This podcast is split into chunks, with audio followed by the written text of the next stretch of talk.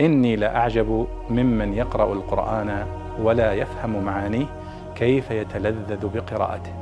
كيف يتلذذ بقراءته. يقول الله سبحانه وتعالى والبلد الطيب يخرج نباته بإذن ربه والذي خبث لا يخرج إلا نكدا. ما معنى نكدا؟ هذه وردت في هذا الموضع فقط في القرآن الكريم.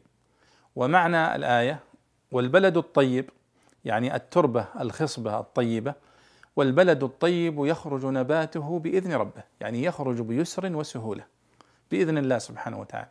والذي خبث يعني والذي خبث من المزارع ومن التربة السبخة التي لا تنبت والذي خبث لا يخرج إلا نكدا يعني إلا نكدا يعني إلا بعسر وبشدة. فالنكد هنا هو العسير الشديد والذي خبث من التربة لا يخرج إلا نكدا. والله سبحانه وتعالى مثل بهذا للمؤمن ولغيره الكافر والمنافق. فالمؤمن كالتربة الخصبة التي تقبل الهداية وتستجيب للوحي. والكافر والمنافق كالتربة السبخة النكدة التي لا تستجيب لأمر الله ولا تنقاد لأوامره.